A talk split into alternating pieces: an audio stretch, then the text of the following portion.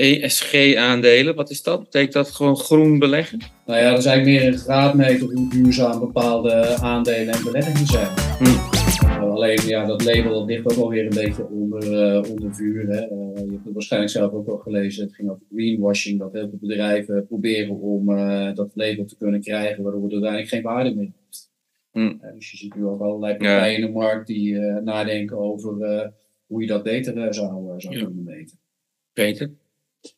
Het staat voor Environmental Social Governance. Hè? Mhm. Even een beetje bij mijn naam te noemen. Ja. Ehm, en ja, het is eh, ontzettend belangrijk, eh, inderdaad. Eh, het is heel belangrijk dat beleggers daar naar kijken. Ehm, maar wat Danny wel terecht zegt, ja, er is ook wel kritiek op. Want hoe, hoe meet je dat nou goed? En uh, beleggingsfondsen of whatever eh, asset classes adverteren met een mooi ESG-label, maar Ja. ja, kunnen dat dan in de praktijk eh, niet waarmaken. Ja. Dus dat is wel iets om, eh, om goed naar te kijken. Maar dat het er is, is natuurlijk eh, ontzettend goed. Ja. Oké. Willen jullie nog iets eh, kwijt over beleggen? Denkt, hé, dat zijn we nog even vergeten.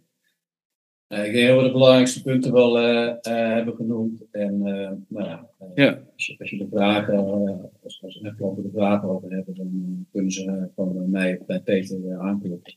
En dan eh, kunnen we op basis van het financieel plan eh, eens kijken wat de ideale asset mix is voor, eh, voor de klant. En wat we eerder ook al zeiden, begin, begin er op tijd mee.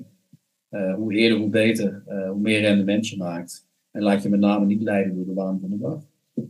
Nou, ik vond het een hele leerzame podcast, jongens. Dankjewel, Peter. Graag. Dankjewel, Nou, dat Danny. we doen, Colin. En misschien wil je nog een keertje aanschuiven, Peter.